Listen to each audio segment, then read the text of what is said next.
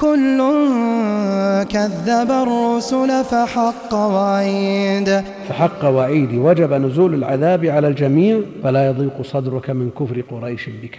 لا يضيق صدرك من كفر قريش بك. وفي هذا تسلية للنبي عليه الصلاة والسلام. وإن كان عليه الصلاة والسلام يعني الأرجح عنده والمفضل عنده أن يستجيبوا له وينجون بسببه لكن الذي يخالف مع الإصرار والعناد يتحمل. الذمة برئت من تبليغه وهكذا ينبغي أن يكون الدعاة إلى الله جل وعلا أولا يجب أن يكونوا على بصيرة من أمرهم وأن يقتدوا بنبيهم عليه الصلاة والسلام وما عليهم بعد ذلك إلا البلاغ.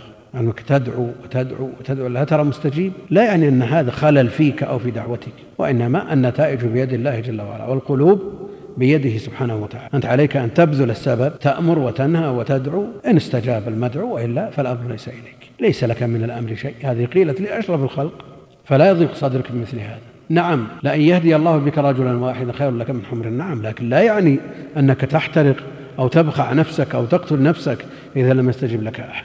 أنت أجرك ثابت وأما قال العقوبة على المخالف. النتائج بيد الله جل وعلا ومن نعم الله جل وعلا أن رتب الأجر على بذل السبب لا على النتيجة. وبعض الكتاب المعاصرين مع الأسف أن كتبهم تتداول في المكتبات يقول إن نوحا فشل في دعوته. يعني ألف سنة إلى خمسين عام ما استجاب إلا النفر يسير ما استطاع أن يؤثر على ولده ولا على زوجته دعوته فاشلة. مثل هذا يقال في حق نبي في حق رسول ويتطاول أيضا على أشرف الخلق ويقول إن محمدا فشل في دعوته في مكة والطائف ونجح بالمدينة ما على الرسل إلا البلاغ. الدعاة أتباع الرسل الذين يدعون إلى الله على البصيره قد لا يستجيب لهم أقرب الناس إليهم. ولو فتشنا في بيوت العلماء الكبار وجدنا في أبنائهم مخالفات وجدنا في نسائهم مخالفات.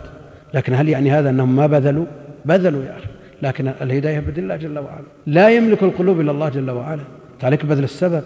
كثير من من من حتى من طلاب العلم يتندر يقول شوف فلان انشغل بدعوة الناس تعليم الناس والمصالح العامة والخاصة وشوف أولاده شلونهم. أنا نعرف من شيوخنا أنه يتقطع أسى على أولاده وبذلهم من جهده ووقته وماله ما يسعى به إلى إصلاحهم لكن ما بيده حيلة لكن لا يعني هذا أن الإنسان يفرط في تربية أولاده ونسائه وأطرهم على الحق ثم يقول النتائج بيد الله. ابذل والنتائج بيد الله. أنت عليك بذل السبب.